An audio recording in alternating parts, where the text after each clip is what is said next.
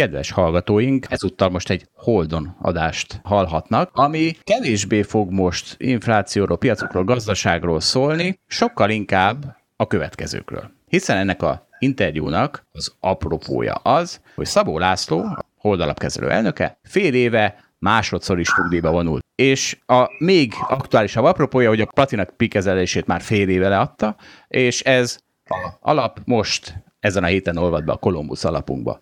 Szóval, Laci, mi történt? Hát igen, ez a nyugdíj, nyug, nyugdíjba mentem én már másodszor. Ugye az első nyugdíj az talán 14 évvel ezelőtt történt, 2006 végén elbúcsúztam a pozícióimtól is, a tulajdonrészemet megtartottam, akkor még ugye Concord alapkezelőnek hívtak bennünket, és ugye a vagyonkezelés is befejeztem. Én már nagyon fiatalon elhatároztam, hogy 35 és 40 év között nyugdíjba megyek, ilyenkor voltam 37 éves, és úgy gondoltam, hogy itt ezt a legjobb ezt most megtenni. Ugye nem véletlen, hogy a alapblogban, amikor nagy ritkán írok, akkor nyugdíjas néven szignózom az írásaimat, tehát ez a nyugdíjas, ez valójában innen jön. Aztán 2010 végén, 2011-ben, amikor megvettük a kollégáimmal a akkor Concord alapkezelőnek a többségi részesedését, akkor azért ez egy nagyon-nagyon komoly dolog volt. Mindenki berakta az összes pénzét, nagy kockázatot vállaltunk, akkor ugye éppen be, megszüntették a magányugdíjpénztárakat, eléggé durva állapotok uralkodtak mind a makrogazdaságban, mind a pénzpiacokon, talán a kettőnek van köze egymáshoz. És ebben az időszakban ugye megvettük a többséget, és akkor úgy döntöttem, hogy úgy döntöttünk, hogy minden erőforrásra szükségünk van, és akkor így visszatértem, gondoltam, hogy egy-két évre, amíg ugye megerősítjük az alapkezelőt, és átformáljuk arra a formát, amit szerettünk volna. Aztán ebből az egy-két évből lett egy kicsit több, és igazából ez az ideiglenes mond, új karrier, ez, ez, ez, ez tavaly év novemberében zárult le, az én már végleges nyugdíjjal. Megígérhetem a kedves hallgatóknak, hogy ez nem egy dupla nyugdíjas elnöknek kiáró bársony interjú lesz, úgyhogy remélem mindenki jól fog szórakozni, reméljük mi is. Úgyhogy rögtön kezdjük ennek megfelelően. A 2000-es Nasdaq buborékban rengeteg neves hedge fund menedzser adta fel ezt a reménytelennek látszó küzdelmet, hogy a piacok a végtelenbe tartanak, e, ezzel az ő hozamuk nem tud lépést tartani, pláne nem tud lépést tartani, esetleg még sortolták is aztán az a buborékot, mondjuk túl korán elkezdve, és valami ilyesmit láttunk az elmúlt években is, hiszen a, a fangvilága, meg a, a jegybanki pénznyomtatás az valami nagyon hasonlót produkált. Rengeteg ö, ne, nagy nevű ilyen hedge fund menedzser mondjuk úgy dobta be a törül között az elmúlt években is. És akkor hadd kezdjem egy idézettel, hogy aki hosszú távon tőzsdézik, az sokszor be kell látnia, hogy nincs igaza, akkor vissza kell vonulni. Talán ez a legnehezebb. Talán ezért ugye csak nagyon kevés ember ezt a szakmát hosszú távon sikeresen művelni. Ez az idézet, ez a, nem is tudom, talán 2012-es Szabó Lászlótól jött, és akkor már rákérdezek, Laci, hogy mennyire játszott ebben szerepet az, hogy ezek a rohadt részvények folyamatosan elmekedtek. Nézd, hát a tőzsdézés az ugye egy kicsit leegyszerűsítve szerepel a, a, a kérdésed, bár a kérdésed egyébként tökéletes. Ugye az nagyon-nagyon-nagyon fontos, hogy egyébként én a tőzsdézést nem fejeztem be. Nagyon más az, amikor egyébként az ügyfeleknek a pénzével tőzsdézel, és nagyon-nagyon más, amikor ugye a sajátoddal. Tehát az elsőnek óriási felelőssége van, a másodiknak is, de ugye magaddal azért ezt könnyebben le tudod játszani. Tehát ez egy fontos kérdés. Ugye én azt a funkciómat hagytam abba, ami más ügyfeleknek a pénzét, pénzének a kezelését jelenti. Ugye ennek ugye egyébként többes oka van. Az első és a legfontosabb, hogy azért az elmúlt tíz évben, és ugye nyilván ennek a gyökerei ezek most már 25 évre jól vissza, oldalapkezelőbe felépült egy, egy, egy nagyon jó kis portfóliókezelő csapat, Ugye az elemzőket és a portfóliókezelőket számítva Közép-Európában a, a, a legnagyobb vagyonkezelési csapatunk alakult ki. Sok fiatal ember, akinek egyébként már sok éves tapasztalata van, azt te is tudod, hogy már az egyetem, egyetemisták, tehetséges egyetemistákkal elkezdünk közösen dolgozni, tehát aki gyakran egyetem után már 5 évet itt van, annak azt jelenti, hogy gyakran már 7 éves, 8 éves tapasztalata van a közös munkában.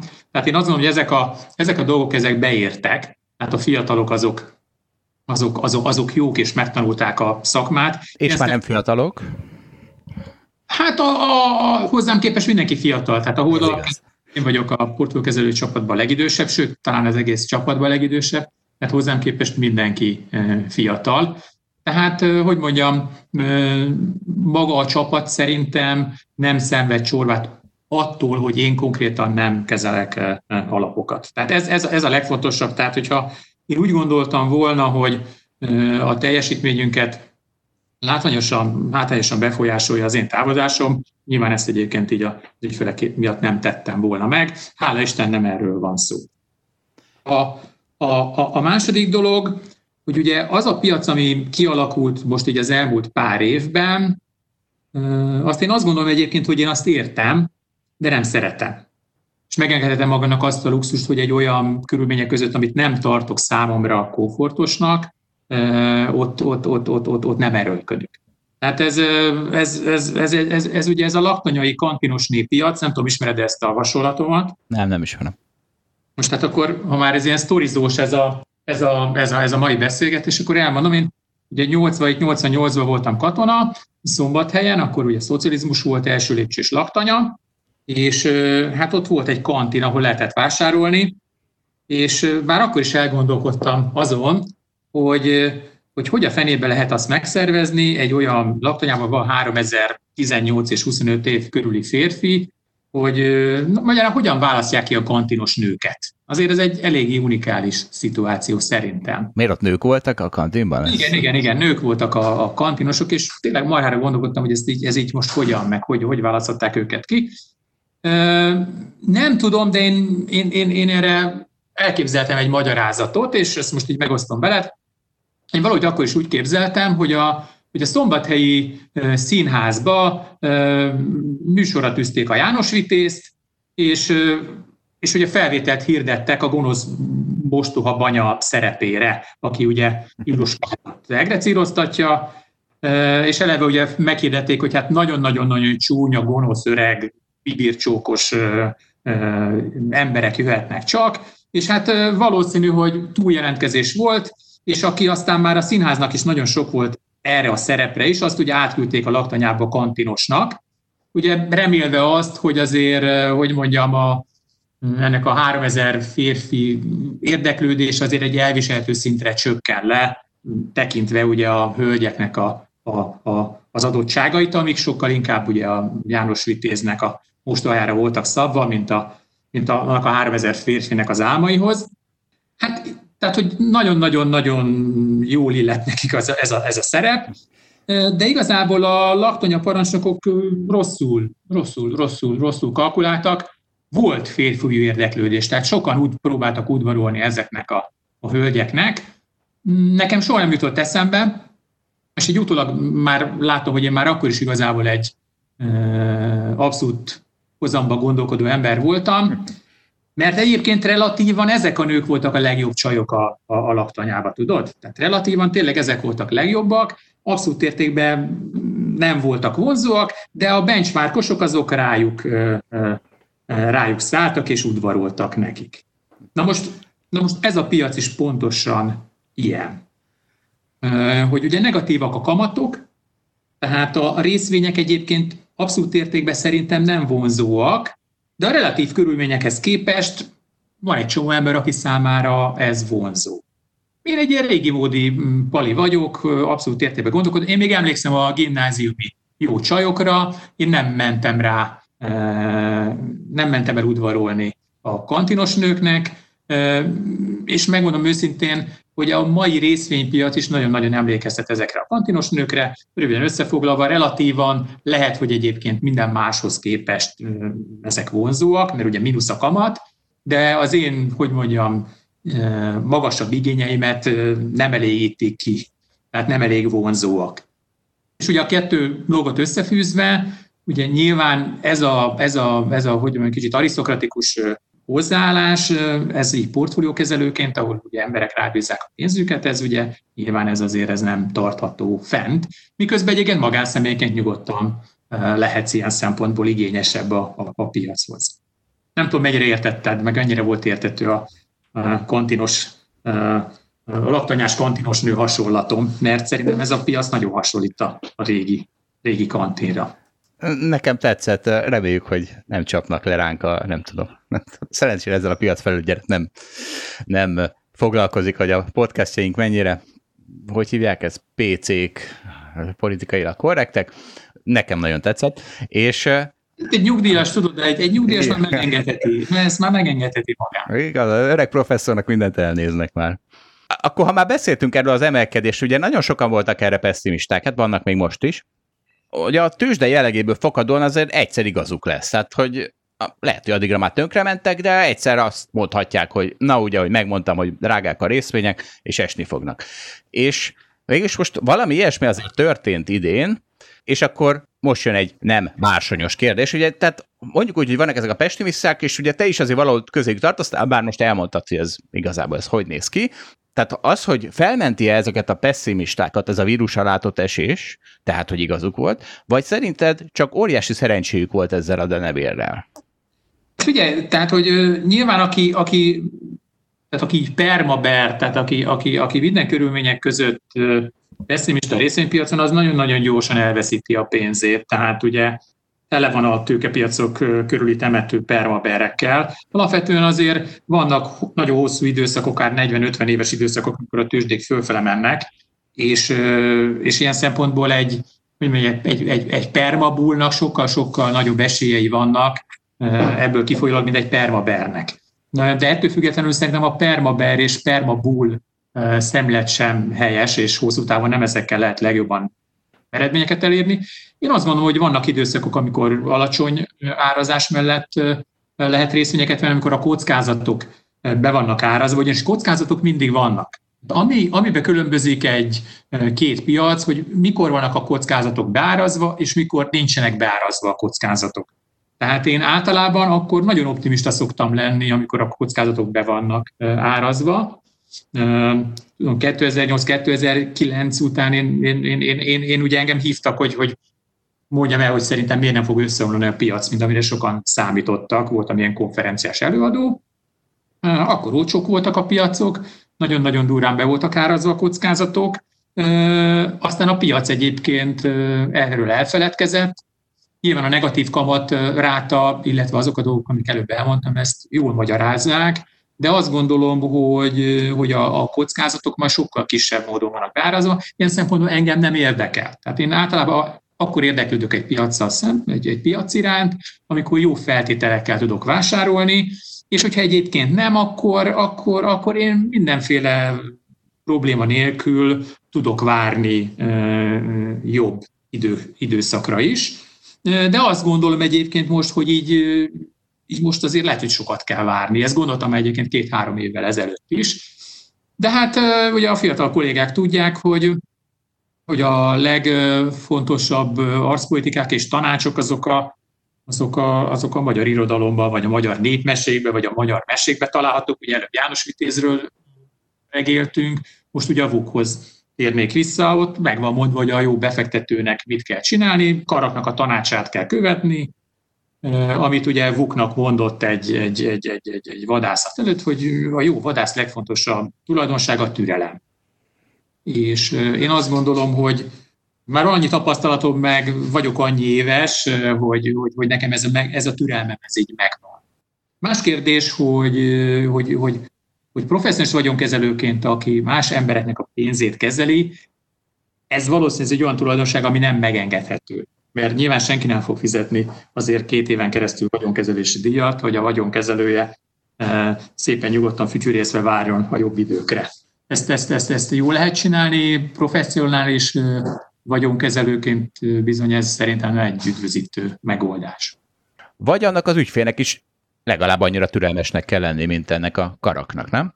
Hát én nem várom el az ügyfél, de nem, nem, nem, nem, szóval szerintem szerintem ez, ez, ez, ezt nem lehet elvárni. Tehát szerintem a vagyonkezelőktől joggal várják el, hogy, hogy reagáljanak egy adott piaci szituációra, néhány év távlatában mindenképpen ígyerenek el jó hozamot. Nyilván a negyedéves hozam elvárásokkal nem szabad foglalkozni, mert az úgyis, hogy mondjam, az, az, az illúzió, hogy annak meg lehet felelni, de azért így egy-két év az nem múlhat el teljesítménykiértékelés nélkül. Tehát ez, ez, ez egyértelmű, tehát szerintem az ügyfelek nem hibáznak, hogyha azért egy-két évnél hosszabb türelemmel nem ajándékoznak meg egy vagyonkezelőt.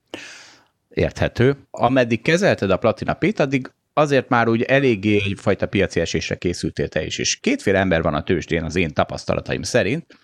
Ugye vannak azok, akiknek a veszteség fáj jobban, és vannak azok, akiknek az elmaradt nyeresség. Úgy is feltehetném ezt a kérdést, hogy ha tovább menve, hogyha ezt a denevért egy fél évvel korábban eszik meg ott Kínában, akkor lehet, hogy még lenne platinapi? Hát nem tudok erre a kérdésre válaszolni. Szerintem így a tőkepiacon mi lett volna, ha kérdések, ez a konjunktív, ez a feltételes mód, ez, ez, ez, ez, ez, ez szerintem hiányozni kell a, a nyelvtamból, tehát ennek így nincs értelme. Podcastben lehet, a tőkepiacon nem használjuk, podcastben lehet használni.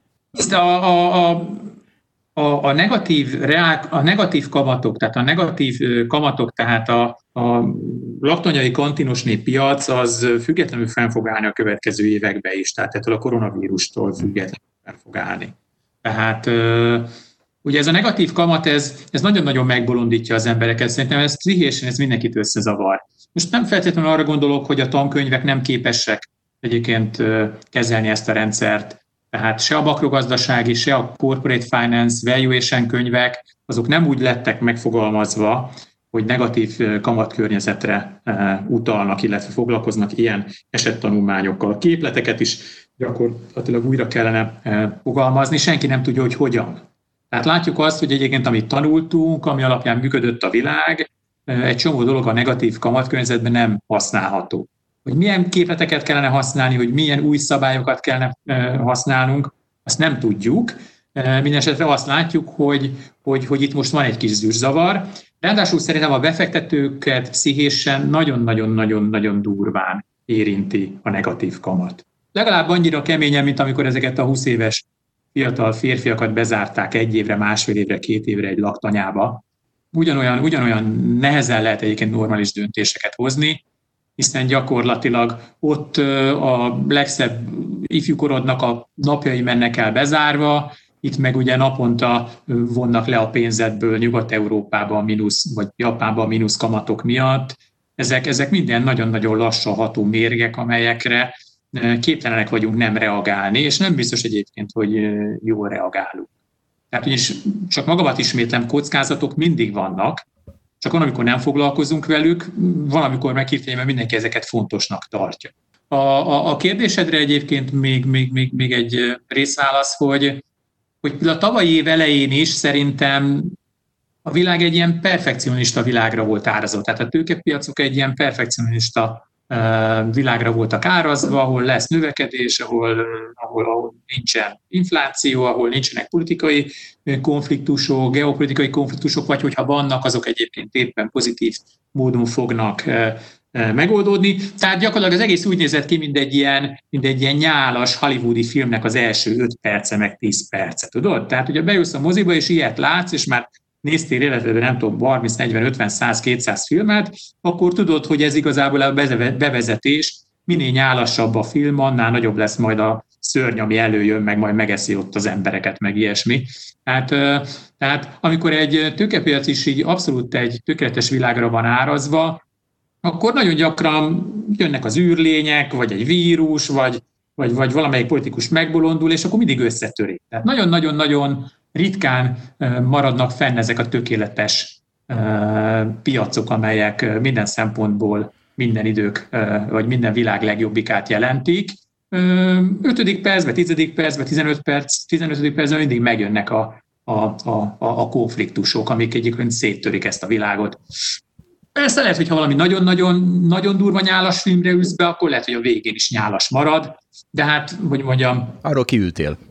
Hát igen, igen, igen, azt nem fogod még egyszer. Tehát az, tudod, hogy az nem ilyen a világ, tehát az, az, az, az kevés nézőt vonz. Azt csinálják nélküled.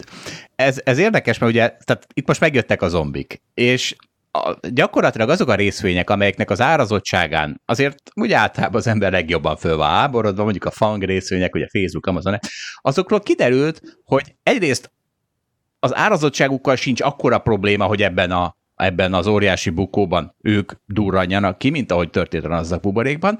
Ráadásul még a fundamentumaikról is az derült ki, hogy hát bizony könnyen lehet, hogy a Facebook, az Amazon, a Netflix, a Google azok, amik százszor akármilyen magas árazottságon is annyiban jobban vannak pozícionálva az eljövendő világra, akár most így a vírus utáni világra, hogy hát bizony lehet, hogy nincs az az ára, ami sok értük.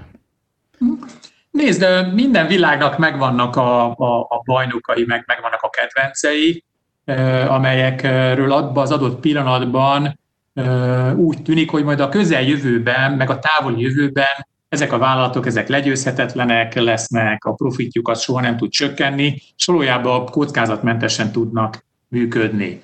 Ez a a 2000-es években, 2000-es évek elején, 90-es évek végén egyébként éppen a technológia volt, aztán ugye 2006, 2007, 2008-ban az S&P belül ugye a bankszektor és a pénzügyi szektor vette át ezt a szerepet.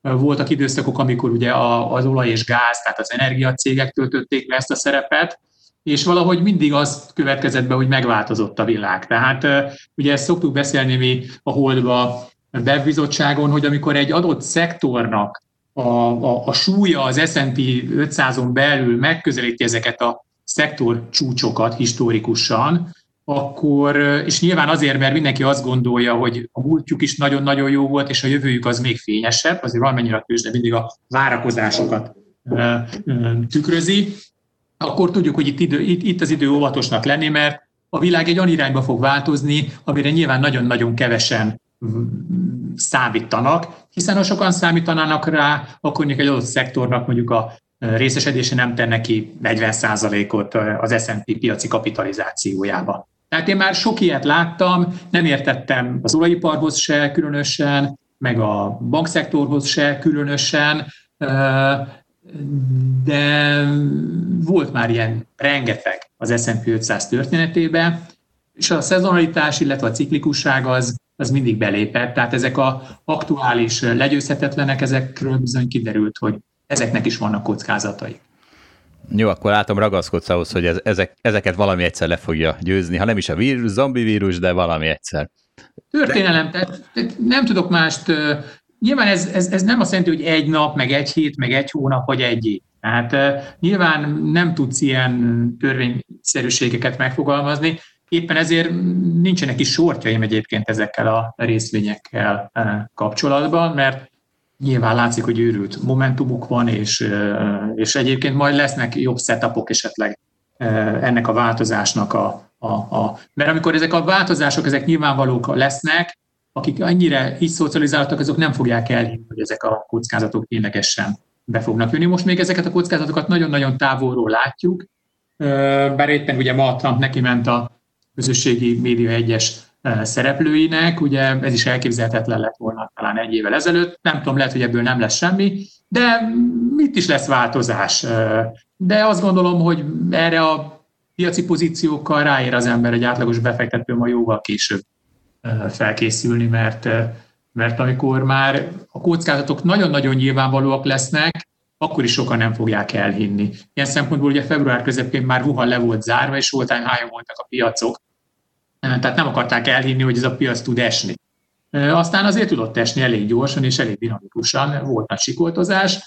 Mm, azt gondolom, hogy minden szektor. Most ez a szektor nem tudott esni, engem egyiket nem zavar, lesz olyan időszak, amikor majd fog tudni esni, és akkor is sokan nem fogják elhinni, hogy tud esni, amikor már egyébként nagyon nyilvánvaló hírek lesznek, hogy ez a szektor nem lesz annyira, hogy mondjam, mint Achilleus, tehát sértetetlen, mint sokan gondolnák. Nyilván ennek a ki fog derülni, hogy ennek is van egy achilleszíne a bokájánál, de nem tudom, hogy mikor. Figyelni kell. Nem szabad elhinni, hogy a fák az égig nőnek. Ez egy nagyon-nagyon fontos tőzsdei tulajdonság, vagy szabály. Jó, akkor a jelen részvény árfolyamaiból evezzünk át a múltba, kicsit révedjünk el benne. Most itt van két nyugdíj, még lehet, hogy nem is a vége. Minden esetre ugye ez egy elég hosszú menetelés volt. Hány év? Mit mondtál, mióta vagy a tőkepiacokon? Hát figyelj, egyetemistaként ott voltam a, a, a tőzsde nyitása előtti partin, hát az azt hiszem, hogy talán 90-ben volt, aztán jöttek a kárpótlási egycserék, elemző voltam, corporate finance-szel foglalkoztam. 30 év. Hát gyakorlatilag 30 év, Hát, én azt szoktam mondani, hogy mivel azért itt a mexikói válság, orosz válság, dotcom válság, aztán ugye a 2008-2009-es cucc, hát azt mondom, hogy mondjuk minden év legalább azért egy, ha nem is kettő, de azért egy ért. Tehát, hogyha most kicsit akarnék csak torzítani, akkor azt mondom, ez már szinte 45 év tapasztalat, de ez valójában csak 30 időben. Értem. hogy, hogy legalább 45 évnyi történet lefutott itt az elmúlt 30 év alatt. Jó, hát mindenképpen hossz, elég hosszú menetelés volt, és mit? Egyébként, egyébként csak úgy az előző kérdés, tehát azért elég kevés olyan ember van, aki egyébként így a tőkepiacon marad. Tehát, hogy, hogy én is nyilván sokat szoktam azon gondolkodni, hogy, hogy ez, a kicsit, ez a kicsit óvatos, hosszú távú megközelítés, ez, ez most ez jó megközelítés, vagy nem. Attól függetlenül, hogy ez az enyém, de hogy próbálom kívülről is nézni magamat folyamatosan. Az ember a tőzsdézés kapcsán nagyon-nagyon sok mindent tanul meg saját magáról, főleg egyébként a hiányosságairól. És az, mivel én azt látom, hogy nagyon kevés olyan embert látok ma a tőkepiacon, aki ott volt 90-ben, 91-ben, 92-ben, 95-ben, és ugye általában a tőkepiacot nem azért hagyják el az emberek, mert hogy halára keresték magukat, és innentől kezdve már eldöntik, hogy ők nem akarnak többet keresni a tőkepiacon. Így azt tudom neked mondani, hogy, hogy végül is így lehet, hogy elfogult vagyok, de azt látom, hogy ez is nem volt egy rossz megközelítés.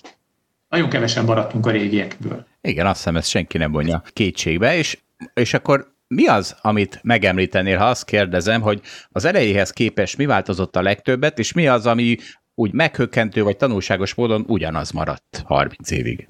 Hát ez nyilván a befektetők nem változtak. Tehát, tehát a befektetők szerintem, tehát ilyen szempontból a technikai jellemzőknek, bár én ugye fundamentális elemző vagyok, de, de, de nyilván van keresni valójuk, mert látom azt, hogy, hogy, hogy, hogy, hogy, hogy az emberek azok semmit nem változtak a tőzsdén. Nyilván ez egy olyan játék, amit ugye nyilván a bogóság és a félelem mozgat, ez mindenkire jellemző, ezek komoly emberi tulajdonságok. Ez, egy, ez, ez, ez nem változott. Szintén az se változott, hogy, hogy, hogy, hogy mindenki, nyilván beleértem magamat is, meg, meg, meg téged is, meg mindenki, mindenki egy kicsit többet gondol magáról, mint amilyen. Tehát ugye tudod, ez a tipikus példa, hogy én az egyetemen el szoktam sütni, hogy tegye fel a kezét, volt van mondjuk száz ember a hallgatóság, és tegye fel azt a kezét, aki az átlagosnál rosszabbul vezet fölteszi kettő ember a, a, a, a kezét, tehát mindenki azt gondolja, hogy ő az átlagosnál jobban vezet, a befektetők is azt gondolják maguk, hogy az átlagosnál ők jobb befektetők. És aztán nagyon-nagyon sokszor egyébként, akik bullok, azok egy, egy, egy, egy berpiac hozza el a végüket, akik permaberek, egy bullpiac hozza el a végüket. Nagyon-nagyon kevés olyan befektető van, aki több bullpiacot és több berpiacot is, hogy azt mondja, elfogadhatóan végig tud menedzselni. Tehát ez, ez, ez, ez semmiképpen nem változott. Maga a piac olyan szempontból nagyon sokat változott, hogy, hogy de hát erről már beszéltem, hogy, hogy, hogy a régebbi, hogy mondjam, számomra normálisabb, meg vonzó piacokat felváltotta ez a lattanyai kantinos nőpiac, és ez lehet, hogy egy csomó ember számára vonzó, én, én nem szeretem. Ilyen szempontból egy kicsit régi, régi, régi, régi nem tetszik. Nyilván egyre nő a passzív alapoknak és pénzeknek a, a, az aránya, egyre távolabb vannak a befektetők a, a vállalati eseményektől, és ez egyébként szerintem a tőkepiacnak a hosszú távon a hatékonyságát egyébként csökkenti, és az egész gazdaságnak egyébként a hatékonyságát csökkenti, mert a tőzsdének fő érdeme, hogy van egy hatékony tőkeallokációs szerepe, és hogyha, hogy mondjam, mindenki passzív befektető, és mindenki az alapján dönti el, hogy mit vesz a portfólióban, hogy ez ben van az indexbe, vagy nem, akkor ez nyilván hosszú távon elég komoly károkat tud okozni. Ugye maga az, a, a indexálási, vagy a, a tőzsdeindexekbe való befektetés úttörője is ugye 12 óra, egy éven belül halt meg. A végén már ő is azt mondta, hogy kicsit úgy érzi, mintha egy szőnszülöttet hozott volna a világra, mert amit nyilván egy 5 kal jó pofa csinálni, az már egyébként, ha átveszi az uralmat a tőkepiacok fölött, akkor már jelentősen tudja torzítani. Hát ez a passzív befektetési szemlélet, ez, ez, ez szerintem ez, ez, ez, ez, ez nagyon más. És nyilván egy ilyen mínusz kamat környezetben pedig ezzel az indexinggel kombinálva ugye elég, elég érdekes dolgokat tud csinálni, de hát ezt te is látod, meg mindenki látja szerintem, aki figyeli a tőkepiacokat. Még egyszer mondom, megvannak ennek az új világnak a maga szabályai, és szerintem ezeket meg is lehet érteni. mindenkinek el kell dönteni, hogy ezekkel a szabályokkal akarja a játékot játszani, vagy nem. Ha az ember megengedi magának azt a luxust, meg hogy nincs kedve, akkor, akkor, akkor, akkor nem feltétlenül kell. Szó volt erről, ugye, hogy Hold alapkezelőben dolgozunk, ami korábban Concord alapkezelő volt, ami még korábban teljesen együtt működött a Concord értékpapír és akkor még a úgynevezett agyviharjaink is közösek voltak, ami arról szólt, hogy 20-30 ember beült, és beszélgettünk piacokról. És akkor egy ilyen agyviharon ültünk már, amikor bejöttél te is, és gyakorlatilag elrendeltél egy egyperces néma vigyázálást a Volkswagen sortosok emlékére. Mondj nekem, légy szíves, a legkedvesebb, meg a legfájóbb emlékedet ebből a 30 évből. Hát igen, a legfájóbb az biztos, hogy a Volkswagen sort volt, és a legtanulságosabb is. És egyébként, hogy mondjam, nagyon-nagyon tankönyviző volt ez az egész történet, hogy én nagyon jó voltam pozícionálva a válság, tehát én, én, én, én ezt nagyon jól láttam, hogy ez jön, tele voltam sortal, tehát ebbe a 2008-as válságban én nagyon-nagyon, én azt gondolom, hogy nagyon jó menedzseltem a dolgokat, és amikor már úgy kezdtem azt gondolom, hogy jó, milyen okos fiú vagyok, akkor az egyik pozíció az a fejemre dőlt, ez egy Volkswagen sort volt, sortoltam a Volkswagen nagyon sok egyéb cég mellett, nem vettem azt figyelembe, hogy nagyon-nagyon pici a közkészhányad, meg volt egy pár, tehát bementem egy, bementem egy olyan diszkóba, ahol nagyon jó volt a zene, ahol nagyon sok ember volt, és nagyon pici volt a kiárat. És, és, és kiütött, felütötte a fejét a tűz, vagy kitört a, a pánik, és ugye azon, a, azon, a, azon az ajtón ott nagyon kevesen tudtak kijönni. Én ki tudtam jönni, de, de elég komoly sérülésekkel. Tehát ott a, amit kerestem a válságban, azt én ott nagy részt vissza is adtam. Tehát ennek nyilván volt egy ilyen üzenete, hogy a válságon ne nagyon keresel senki, elbízza magát attól a piac, úgyis elveszi a, a, a pénzt. Illetve nyilván megtanultam azt, hogy, hogy, hogy egy alacsony likviditású piacon nem nagyon szabad menni a, a, a tömeggel, mert hogyha hirtelen megváltozik valami, akkor, akkor nagyon nehezen tudják elhagyni az emberek a süllyedő hajót. Persze egyébként értékpapír csalás volt, de ez tök mindegy. Ezt, ezt, ezt, ezt beszívtam. Ma azt már azt remélem, vagy azt gondolom, vagy azt remélem, hogy talán ma már nem tudnának ennyire lépre csalni. De hát ugye ez a, ez, ez a sokba került ez a, ez a, ez a lecke. Hát itt eléggé sok volt a tanulópénz. Talán ez volt a leg, talán ez volt a legrosszabb. És mi volt a legjobb? Tőzsdéjélményem. Hát tőzsdéjélményem sok jó volt, azok úgy kevésbé maradtak meg. Tehát ugye nyilván a 90-es években nekünk volt egy sajátos stílusunk, mi nagyon sok ilyen illikvid, kisforgalmú cégnek, amelyek jó cégek voltak, tehát nem keverném össze a mai kis kapitalizációi cégekkel a tőzsdén vannak, amik, amik a tőzsdén vannak, mert ott ugye több csak ilyen csontváz. Voltak marha jó kis vállalatok, akikkel nem foglalkozott senki, külföldi befektetőknek nagyon nagy volt az aránya, ők nem hajoltak le ezekért a dolgokért, és nagyon sok esetben megvettük a cégeknek 10-20-25 százalékát, és bíztunk abba, hogy majd egyszer lesz egy felvásárlás, ahol, ahol, ahol bennünket normálisan kifizetnek, és ez a többségében megtörtént, és, és nagyon jó sztoriaink voltak, és nagyon jó szívvel gondolok rájuk vissza. Most ebbe az évben egyébként szerintem a, a legérdekesebb, vagy a leg, jobb szívvel mondjuk a norvég korona eh, tranzakciókra gondolok vissza. Ugye amikor összeomlott az olajár, akkor az olaj eh, országoknak a devizái írtózatos nagy esésbe kezdtek. Most a norvég korona az eset 25%-ot egy, egy-két hét alatt. Eh, mexikói pezó is sokat esett. Na de hát szerintem ugye nagyon nagy likviditási válság volt, minden pozíciót be kellett zárni, folyt a vér, stb. stb. stb. stb ugye erre még talán te is emlékszel, meg mindenki emlékszik, és ugye a norvég koronában őrült pozíciók voltak, ezeket mind likvidálták, 25%-ot esett a norvég korona, a világ leggazdagabb országa, 1000 milliárdos devizatartalékkal, ráadásul ők hedge, a világ legjobb hedge fundját üzemeltetik, tehát a világ legjobb befektetője a norvég olajalap, tehát ezek még a szakmának a piaci szabályait is ismerik, és tehát, hogy elképzelhetetlenek tartottam, hogy a norvégok azok hagyják, hogy 25%-kal leértékelni a devizájuk, mert egy kis leértékelésnek sok ország örül, de 25%-os leértékelődés, amikor a koronavírussal is küzdenek a politikusok, meg minden az sok. Tehát talán, hogy mondjam, nagyon-nagyon ritka az olyan, amikor ilyen 9-1-es befektetési lehetőségek adódnak, tehát 10 évből 9 szó valami mellett, és egy ellene. Hát ez meg már majdnem 10 nullás volt. Tehát majdnem nem kötöttem meg, mert azt mondtam, hogy ilyen nincsen, hogy akarja lopni a pénzemet. De végül is talán találtam egy ellenérvet, és 9-1-es döntését tudtam redukálni a dolgot, azt még szív, nagy szívesen megkötöttem. Ott voltam én is, ezt követtem élőben, igen. Igen, de hát millió ilyen dolog van, vagy a, a, a bukók azok valahogy így, így jobban megmaradnak a, a, a, a, az emberbe. Nyilván azért, mert nagy bukóból talán kevesebb volt. És jobban emlékszik a, a, az ember, meg ezekből, ezekből többet lehet tanulni. Tehát, a, tehát ami igazá, igazából jelenformáló, azok a, azok, azok, a nagy, azok a nagy bukások és azok a nagy, nagy veszteségek. Egyébként ennek evolúciós oka van, egyszer valamilyen kapcsolatban ezt meghallgattam ezt a sztorit, és nagyon jó sztori. Tehát arról szól, hogy a, az evolúció arról gondoskodott, hogy a rossz, fájó, ijesztő emlékek sokáig megmaradjanak, hiszen ha az ősember evett egy bogyót, amiben aztán belehalt, akkor ez sokáig kellett megőrizni az emlékét, hogy nehogy még egyszer megcsinálja. De a jó emlékeket viszont pont, hogy veszélyes megtartani sokáig, hiszen az eltölt jó érzéssel, kevésbé leszel éber, meg ez a kartfogú tigris. Tehát, hogy ennek egy evolúciós oka van, hogy jó, akkor azt mondtad, hogy mondtad, hogy mi változott nagyot, meg kicsit. A magyar piacra változott a véleményed, vagy azon mennyire változott meg a véleményed, ugye ezt is korábbi interjúkból olvastam tőled, hogy ugye a, a, a BRA ügy, a MOL ÖMV ügy, majd a Fotex kivezetés után azt mondtad, hogy nincs értelme a béten kereskedni. Ezt föntartod -e ezt az állítást?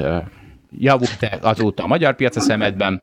Mondj valamit a magyar piacról. Nem nagyon szoktam a béten kereskedni, megmondom őszintén, de ennek több oka van amikor mi a 90-es években elkezdtük, akkor, akkor, akkor a tőzsde is pici volt, meg, meg mi is picik voltunk, aztán, aztán, aztán valahogy úgy alakult a, a világ, hogy, hogy, hogy, hogy még így, ugye most még professzionális énemre visszatekintve, ugye mi akkorára megnőttünk, hogy nekünk nyilván ki kellett lépni a nemzetközi piacra, és ezt 2001 augusztusában meg is tettük. Tehát azokat a pénzeket, amiket mi kezelünk, azokat nagyon nehezen tudnánk úgy a béten befektetni, hogy az árfolyamokat ne vigyük fel, amikor veszünk, és ne vigyük le, amikor eladunk. Tehát ilyen szempontból, hogy mondjam, szerintem mi egy kicsit jobban nőttünk, gyorsabban nőttünk, mint a, mint a magyar tőkepiacnak a kapitalizációja. Tehát ez egy nagyon-nagyon fontos dolog, tehát bármit gondolok én a magyar tőzsdéről, egyszerűen méret dolgok miatt nekünk ki kellett lépni. Hála Isten, ugye ezt a döntést ezt még pont 20 éve meghoztuk. Tehát amint a devizaliberalizáció bevezetése került Magyarországon, a fiatalok ugyanis nem tudják, hogy nem mindig volt devizaliberalizáció. Tehát volt, amikor te nem tudtál venni eurót, egyrészt mert nem volt, de mondjuk német márkát, vagy osztrák silinget, vagy amerikai dollárt, mert egyébként nem lehetett, csak engedéllyel. Tehát mi rögtön elkezdtük a külföldi ügyleteket, amit lehetett, és ugye ezt nem is bántuk meg Egyébként nincs olyan, hogy egy piacon az ember nem kereskedik, mert ha nagyok a kockázatok, akkor is lehet nyugodtan kereskedni. Most így elméletileg beszélek, tehát most nem a magyar piacról, mindenki belát, amit akar. Hogyha kellően lehetnek maradni kockázatok, ha kellően olcsó az ár, akkor lehet egy olyan hozam kockázat kombináció, ami még így is egyébként megéri. Miközben lehetnek nagyon-nagyon alacsony kockázatú piacok, amiket meg nem éri meg megvenni, mert az árak ezt tükröződik. Tehát ez egy, mindig ez egy kombináció, minden esetre a, a, a kisbefektetői jogok Magyarországon szerintem azok, azok szerintem az átlag alattiak. Nincsen ilyen szempontból egy ilyen befektetővédelmi kultúra, de hát egyébként mitől is legyen. Nyilván fiatal tőkepiacunk van, nem alakultak ki ezek a, ezek a dolgok.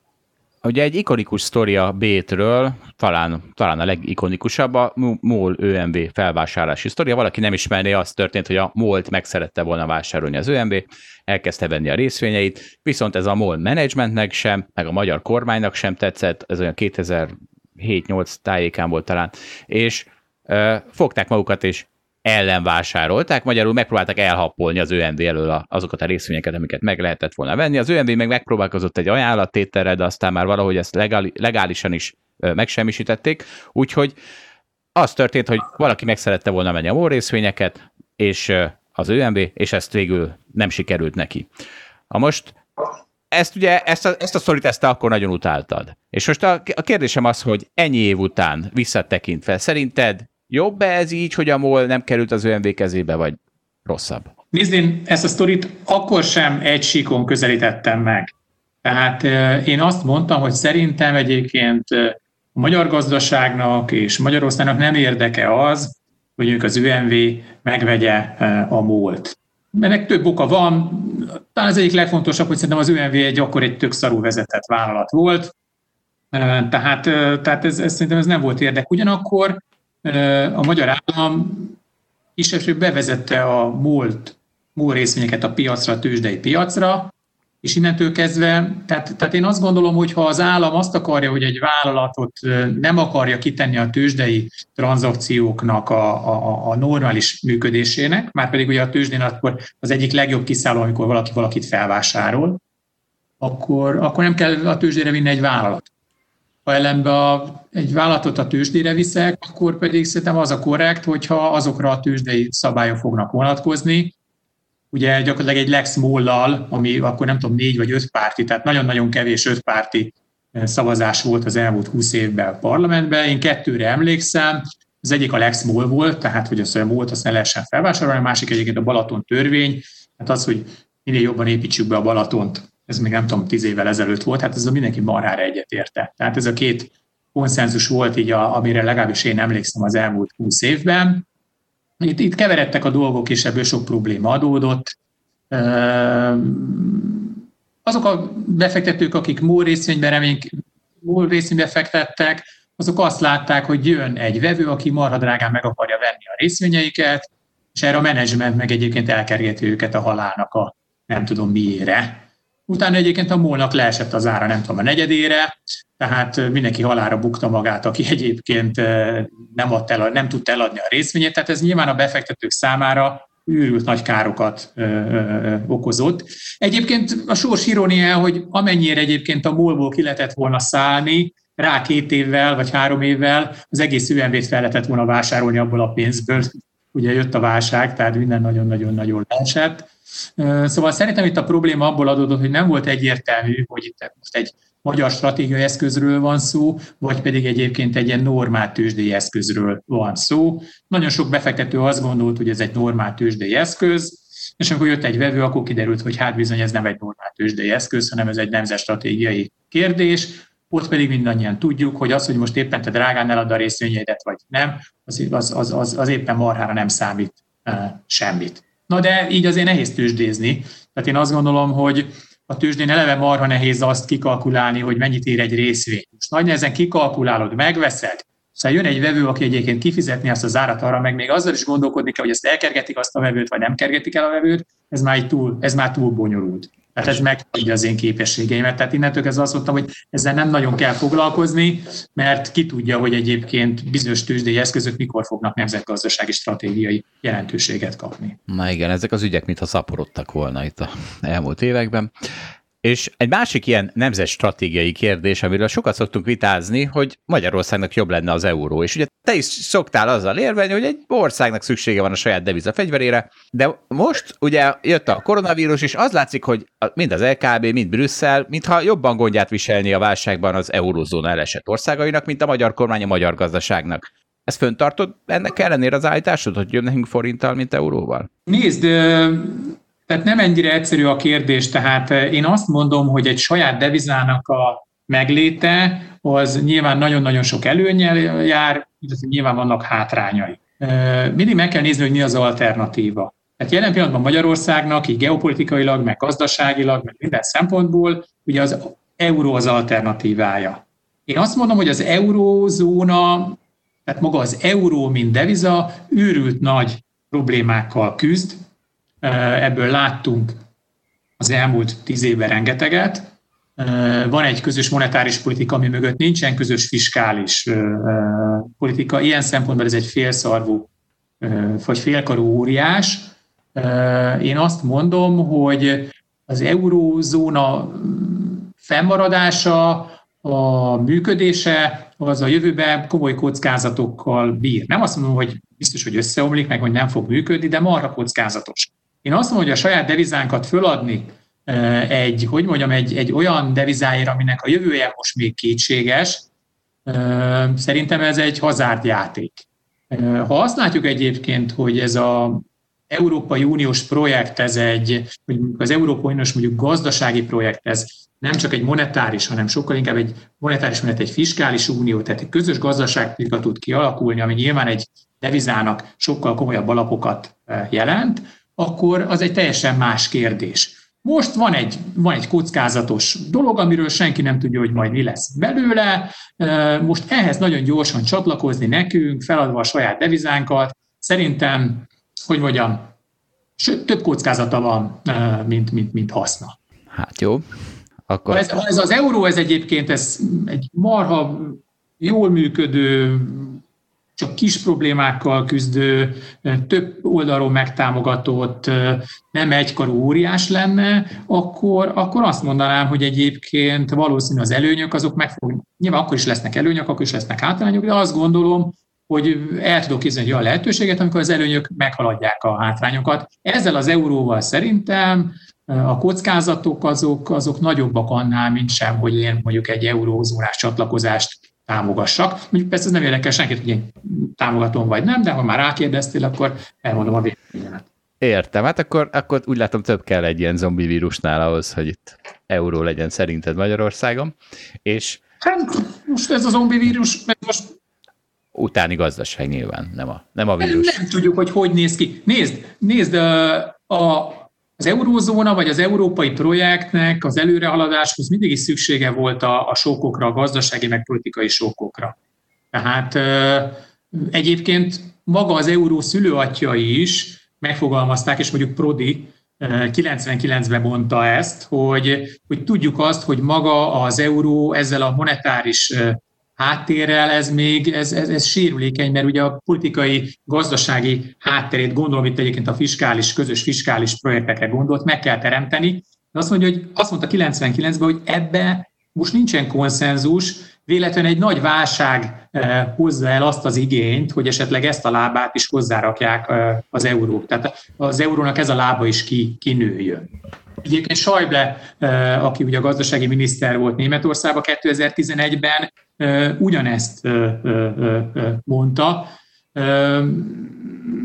Tehát maga az, hogy egy, egy nagy válságba belefut az Európai Unió, az nyilván jelenthet dezintegrációs kockázatokat is, de a múlt alapján ezek sokszor inkább kohéziós ösztönzőként szerepeltek. Tehát lehet, hogy egyébként a koronavírus az előre fogja a közös gazdaságpolitikát egy kicsit mozdítani, de szerintem nem vagyunk abban az állapotban, hogy erre most komolyabb becsléseket, vagy, vagy, vagy, vagy hogy mondjam, forgatókönyveket valószínűsítsünk.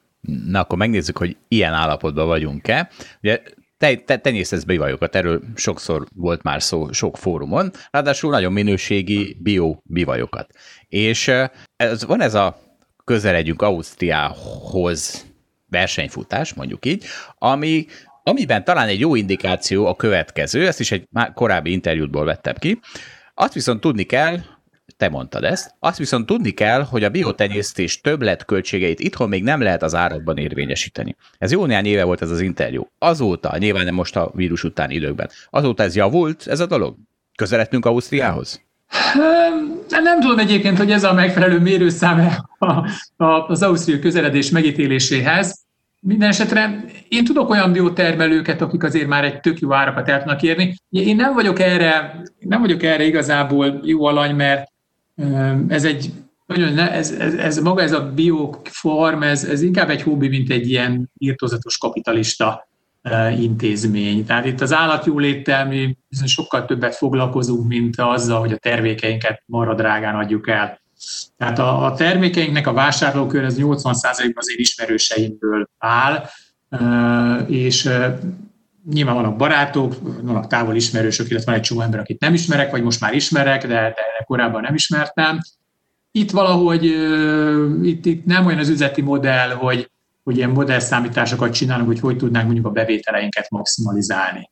Tehát ilyen szempontból nem tudom megítélni, hogy, hogy Közeledtünk-e Ausztriához? Közeledtünk-e Ausztriához. De várjál, mert, mert ha már bivajok és modellszámítás. Ugye volt idő, amikor azt mondtad, hogy a bivaj biznisz attól nyereséges, hogy kikapcsol és jobb befektetési döntéseket tudsz hozni.